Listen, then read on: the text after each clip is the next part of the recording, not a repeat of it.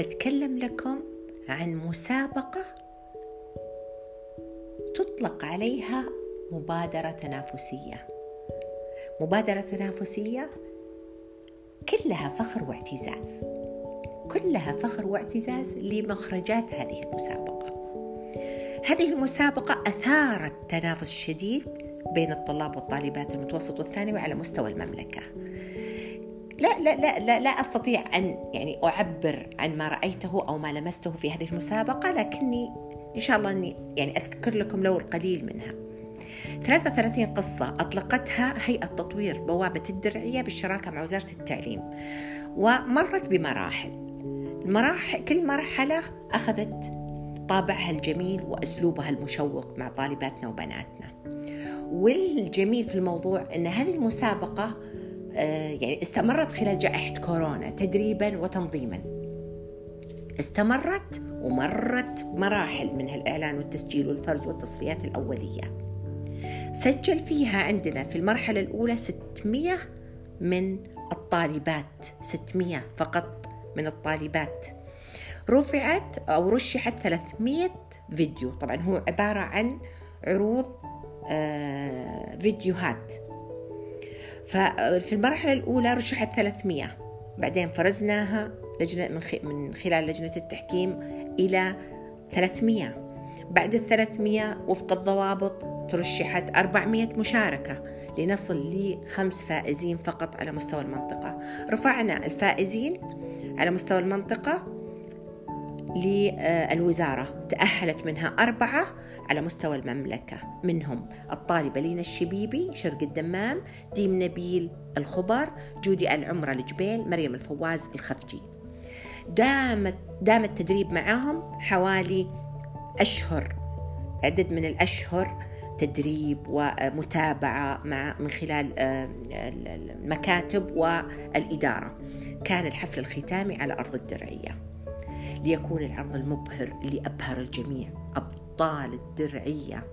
ال 12 ال 12 12 بطلا سواء آه، ستة بنات وستة أولاد.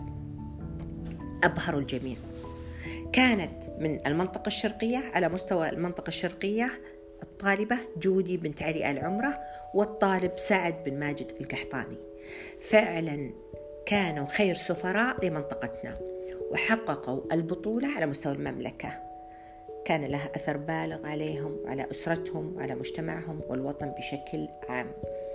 أشكر آه شكر عميق لهيئة تطوير الدرعية ووزارة التعليم أنهم أتاحوا للطالبات والطلاب هذه الفرصة في ذكر قصص كان لها أثر في التأسيس والتوحيد. قصص لأبطال وشعراء وقامات تربوية وشخصية اعتبارية من خلال هذه القصص. كان لها الأثر فيها مملكتنا الحبيبة. شكرا كثيرا لا تفي أبدا لجميع من درب طالباتنا وبناتنا من مشرفين ومشرفات مكاتب وإدارة. ولا ننسى لجان التحكيم اللي شاركت في آه، تصفيات. ولا والشريك الأول لهذه البطولة الأسرة. شكرا لا تفي أبدا لجميع من ساهم ولو بكلمة في هذه المسابقة. السلام عليكم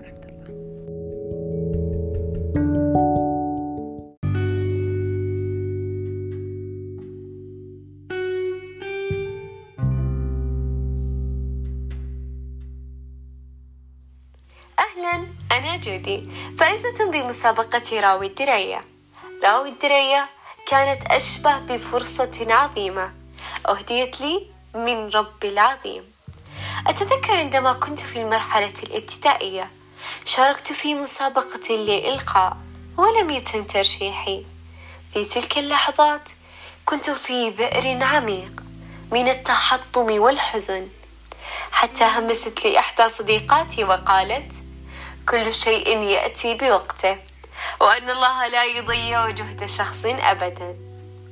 بعد مرور ثلاث سنوات فهمت المعنى الحقيقي وراء كلمات صديقتي. كلمات بسيطة ولكن تحمل عبرة وقاعدة ربانية. رأيت انعكاس خير وجمال هذه الكلمات في مسابقة راوي الدرعية حيث أتيحت لي الفرصة أو بالأحرى الفرص التي جعلتني أطور من مواهبي وحدودي أكثر. استطعت التعرف على العديد من المقدمين الناجحين. أثريت في تاريخ الدرعية تحديدا حي طريف الذي يحمل تراب وذكريات أجدادنا الأولين. كانت بدايتي في المسابقة برواية زرقاء اليمامة. التي استمتعت جدا بسردها وتصوير أحداثها الأسطورية. ثم ختمت برواية بنات الريح التي كانت تصف عظم وجوهر الخيل العربي وتنسج علاقة العرب الوطيدة بالخيل بخيوط حريرية.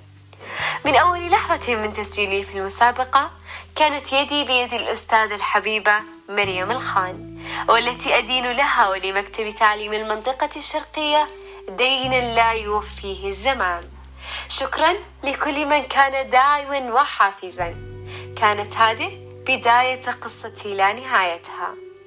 كن مترجما وناقلا لعبق وأصالة تاريخنا المميز. فوطننا يستحق التميز. راوي الدرعية أن تخلد التاريخ.